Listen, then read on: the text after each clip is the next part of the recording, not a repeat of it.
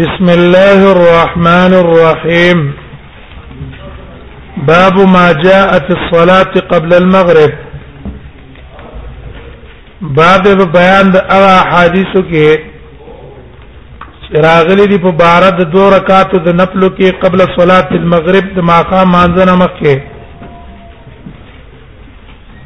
ما قام منځره مخکې مونږ کول شتا کنشتا دام چون کې مسله اختلافي او د علماو منځ کې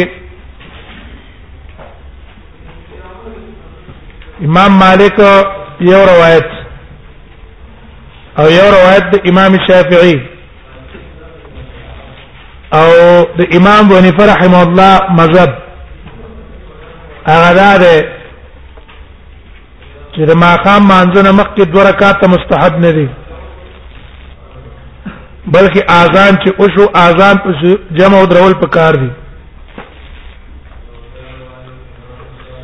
یو خو هغه استدلال نیولې په بعض روایتو او بل قیاس کړه استدلال نیولې پر روایت ابو داود تاوس روایت نقل کړی دی چې تاوس سئل ابن عمر عن الركعتين قبل المغرب وې دا عبد الله ابن عمر نه تاسو کړی شو چې د ماقام نامه کې سره دوه رکعات سنت کې نو دا دوه رکعات نه په لو سنت ته جهیز دي که مستحب دي کې نه دي فقال ما رايت احدا على عهد رسول الله صلى الله عليه وسلم يصليهما وما رسول الله صلى الله عليه وسلم په زمانہ کې یو تن نه لري درې جره کړی ها ورخصت الركعتين بعد العصر خو عبد الله ابن عمر اجازه ورکړه دا چې د ماجیګر مانځنه وروسته دوه رکعات نفل کولای شي وګوره دې روایت کې دي چې رسول الله صلی الله علیه وسلم په زمانه کې جانې دي کړي اګه چرته دا دوه رکعات مستحب وي نه صحابه وکړه عبد الله ابن عمر باندې تین کوله ذم استدلال اغي نه ولا ده روایت دار قطنی او امام بیقیم راوړل د عبد الله ابن بریده نه انا به چې رسول الله صلی الله علیه وسلم یې فرمایلی دی بین کل اذانین رکعتین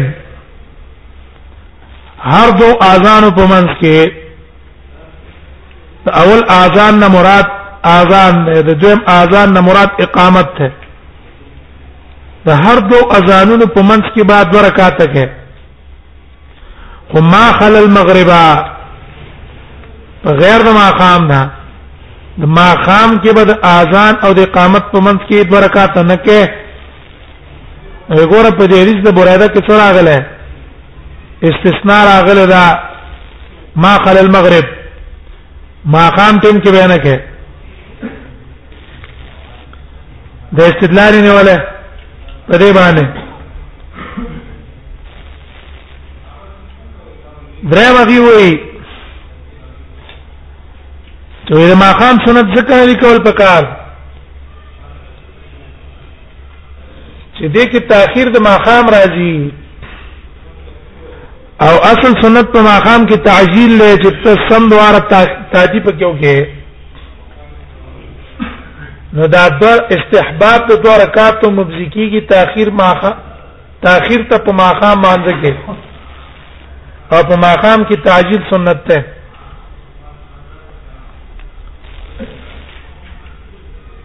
دویم قول دا د جمهور علماو ده او د امام احمد مذهب ده د ساق ابن راهوی ده د محدثینو مذهب ده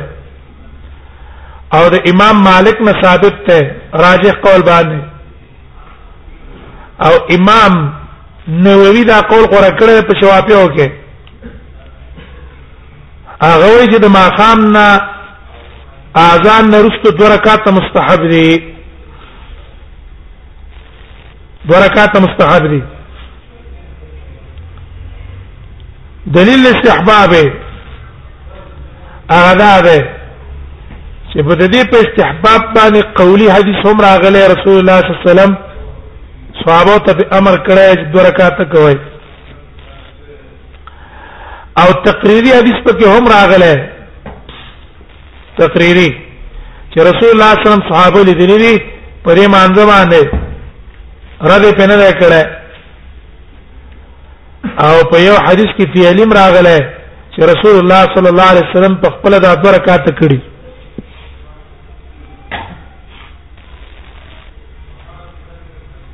او دا قول راجح ده دا قول څه ده دا قول راجح ده حدیث ده انس کی راضی امام بخاری امام مسلم دا حدیث راوړل انور محدثین راوړل صحیحین روایت ته چې کان المؤذن کان المؤذن و مؤذن بچو کنه اذا اذن قام الناس من اصحاب النبي صلى الله عليه وسلم نو پاپ چې دل صحابه پاپ چې دل کسان د نبی سم د صحابهونه یتجرون السواریا تادیب منډ به والستنو تا د پاره د مانزو حتا یخرج النبي صلی الله علیه وسلم وهم كذلك ترغيچ نبی سلام به پر وتلو وهم كذلك دی په مانځ باندې ولاړو یصلون الرکعتين دو رکعات به کول قبل المغرب هذا رسول الله تقرير شو تاسو شو تقرير رسول الله صلى الله عليه وسلم شو ودي کې حتى يخرج رسول الله صلى الله عليه وسلم وهم كذلك يصلون الركعتين قبل المغرب دو رکعات به کول او پر روایت مسلم کې دا دی تر دې چې یو مسافر سره غریب سره د بار نه بچ څوک راغی دا هغه به دا ګمان شو مانه د بار نه بچ کوم یو سره راغی دا هغه به دا ګمانو چې یې مون شوه ده او دا خلک چې ټول په دې نپلو باندې ولاړ دي نو دا اصل کې سنت کې پس د ماقام مانځنه داغه سنت دو رکعات ته کوي د ماقام مانځ نه بعد دا شو قول رسول الله صلی الله علیه وسلم په کې نقل لري ابن حبان نقل کړه ابن حبان په خپل صحیح کې قول نه فعل فعل رسول الله صلی الله علیه وسلم په کې نقل لري ابن حبان نقل کړه او همدارنګه قیام الليل د ابن نصر المروزي هغه نقل کړه چې رسول الله صلی الله علیه وسلم د دوه رکعات څخه کړی وي ما قام نه مخکې دوه رکعات کړی ابن حبان روایت ده او قول رسول الله صلی الله علیه وسلم قول رسول الله صلی الله علیه وسلم هغه په کې ذکر دی چې رسول الله صلی الله علیه وسلم فرمایلی دی بین کل اذانین صلات و اذا هر دو اذانونو په منځ کې منشتا وقال في الثالثه دریم ځل رسول الله صلی الله علیه وسلم فرمایلی دی لمن شاء چې د چا خوخی بین کل اذانین صلات لمن شاء دریم ځل په کې ویل او بیا قیام الليل د ابن نصر المروزي هغه نور روایت هم راوړي د صحابهونو چې پلان کې وکول پلان کې وکول یو روایت را نقل کړی دی دا بالخير نه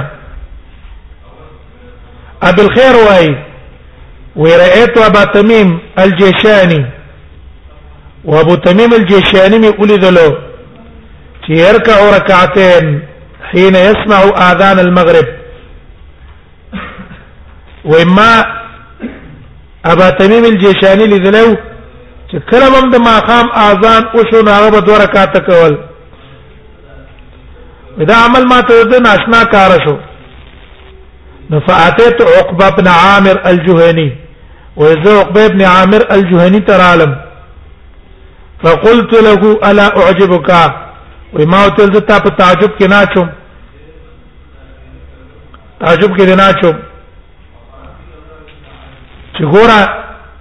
ما ابو تمیم الجیشانی ولیدلو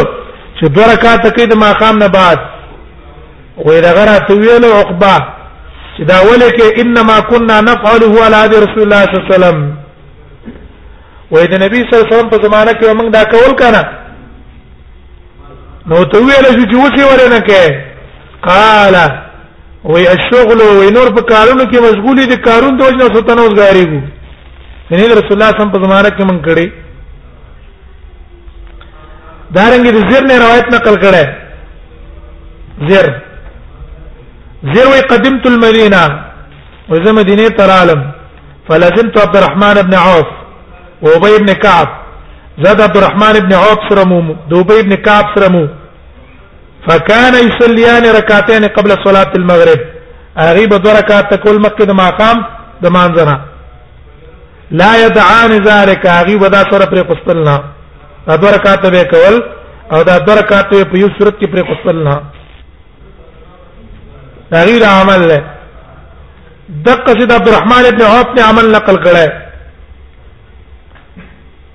چې عبد الرحمن ابن عوف او به ابن کعب په دوام کړه او د نور صحابه عمل نقل کړه چې هغه بدا کول دیو جنا سیدار چې د اتو رکعات سیدی حکم روایتونه باندې چې هغه استدلال نه ولای احناف دا حدیث نه جواب کړه اولنې حدیث عبد الله ابن عمر ما رايت احدا على عهد رسول الله يصليهما جواب دا ده چې عبد الله ابن عمر نافي ده او دا کوم روایتونه د انس چې دي انس مثبت ده او قاعده دا ده چې کله تعارض راشي په مابین د نافي او مثبت کې نو ترجیح مونږ چاله ورکو مثبت لا او خاص کر چې بیا روایتونه د مثبت اکثر می او صح می په نسبت د نافی ناقلو په طریقه ولا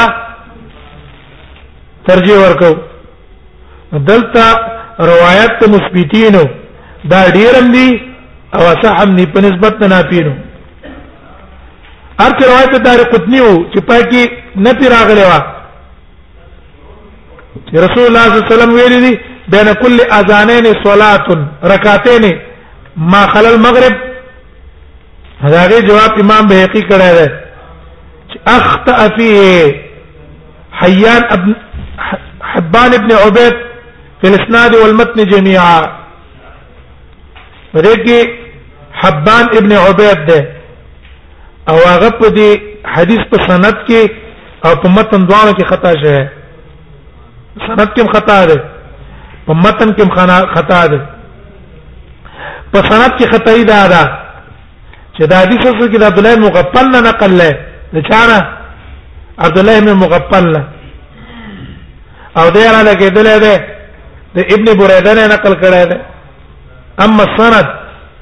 وې سند اصل کې دا دی چې امام بخاری امام مسلم دا حدیث نقل کړی دی عن سعید الجریری وکهمس عن سعید الجریری وکهمس عن عبد الله ابن بریده عن عبد الله ابن المغفل عبد الله ابن البريده نه او عبد الله ابن بريده عبد الله ابن مغفل نه او دلته د چا نه نقل کو دار قطنی امام بیقی روایت کې چې نقل له نو د بریده نه نقل له عن النبي صلى الله عليه وسلم بين كل اذانين صلاه قال في الثالثه لمن شاء دا حدیث د عبد الله مغفل له خدا خطا شو د چه کو د بریده کو او هر چې متن کې خطا ده نو متن کې خطا ده چې دا روایت عبد الله مبارک هم نقل کړه د کهمس نه نو پاره کې دا دی چې وکانه ابن بریده یصلي قبل المغرب بریده په خپل د ماقام نه مکه بمونځ کاوه دوه رکعاته نو څنګه راوي روایت د نقل کې د استثناء چې رسول الله صلی الله علیه وسلم فرمایي بین کل اذانین رکعت ما خل المغرب او به دې په خپل را لګي د خپل روایت نه لسه کوي خلاف کوي نو احناف په بنا دا غي د قیدی په بنا دا حدیث له اعتبار نشته ولې راوي چې خپل روایت ته خلاف وکي دا روایت څه نه اعتبار نه خبره پیښ وي د بریدان خپل څه نقل شو روایت کې استثناء شو ما قبل المغرب لیکن عملي د روایت نه بالکل خلاف شو چې د مقام په منځ کې د دوه رکعات نه پل کړی دی صلی قبل المغرب رکعتين دیو جن ابن جوزی رحم الله تعالی کېدل دغه حدیث چې د احناف استدلال کړي د په موضوعاتو کې ذکر کړي دا موضوعي روایت ده او د پلاس نه قول نقل کړي د پلاس نه چې هغه وای کان حبان هذا كذابا قال كان حبان هذا كذابا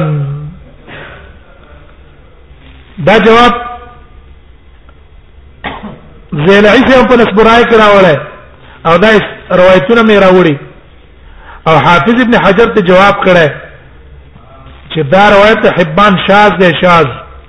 نو سید اشوا چې دوه رکعاته د ماقام نه مخکې دا سنت مستحب دي که څوک یې کوي قرار دی وکي مانات پکې نشته بای صحابه ندی کړی چا کړی دي بس دې کې خبره نشته دوی نه بای صحابه نه پینه نقل لجاب نه کول پلانکی باندې کول پلانکی باندې کول نه دی کړی خو مستحب دی دا دوه رکعات چې څوک یې کوي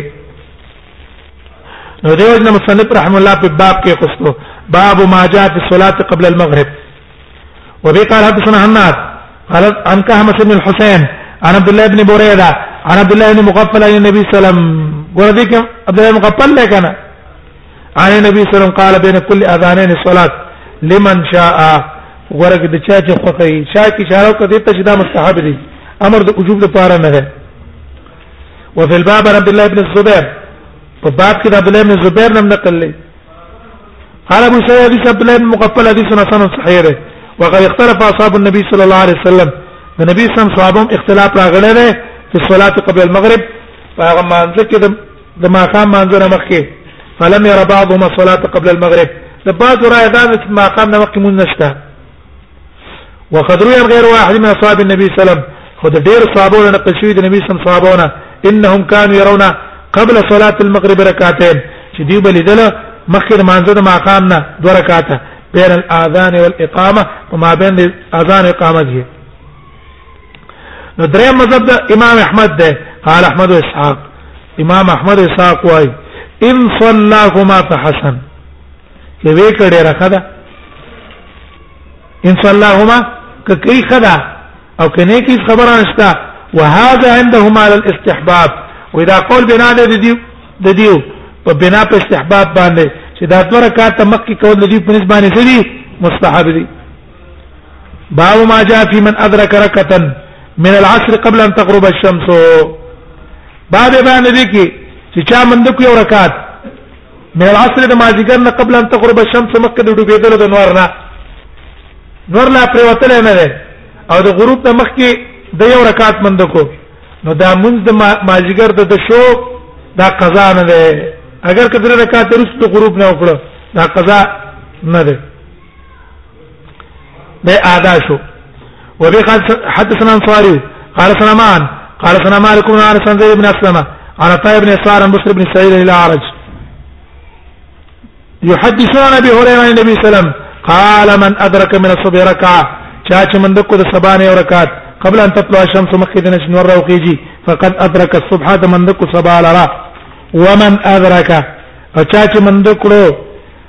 رکعت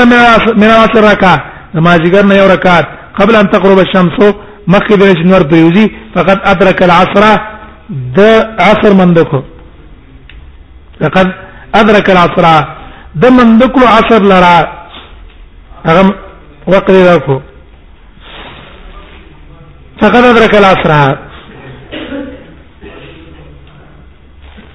ظاهر د حدیث عدم فرق کوي په مابین د څه کې د سبا او د مازیګر کې لیکن په سار کې اتفاق ده تفصیل مثلا موږ څه کې ویلې ابو داود کې نو ویلا سار کې اتفاق ده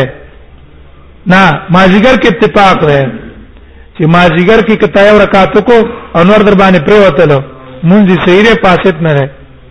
لیکن په سار کې اختلاف ده